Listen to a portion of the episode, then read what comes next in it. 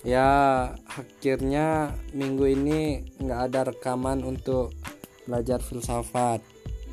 Kawan-kawan e, minggu depan lah kita kembali duduk bersama di rumah literasi.